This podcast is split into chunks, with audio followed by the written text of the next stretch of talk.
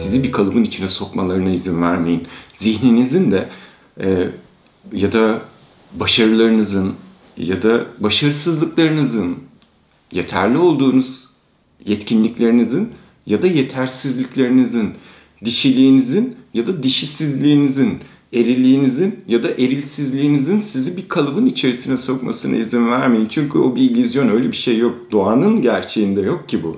Bir kalıp yok yani. Doğada hiçbir zaman olmamış. An içerisinde sürekli bir değişim var.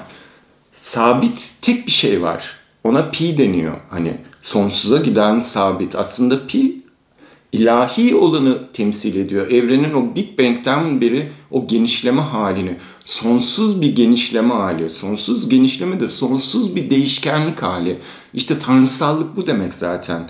Onun için insanoğlunun var olduğu günden bundan 3000 yıl sonra da arayacağı şey hala o sonsuz değişken olandı. Ve içimizdeki o sonsuz değişkeni keşfettiğimiz zaman o zaten hiçbir şeyin içine sığamıyor. Yani hani hiçbir kalıbın içerisine sığamıyor. Ne onun adı tantra ne başka bir şey yani. Onun için de oraya giden yol şimdilik bedenimizden geçiyor. Çünkü en somut tarafı bu ya o nimetin, o değişken sonsuzun somut olarak tutabildiğimiz en net kısmı bu ya.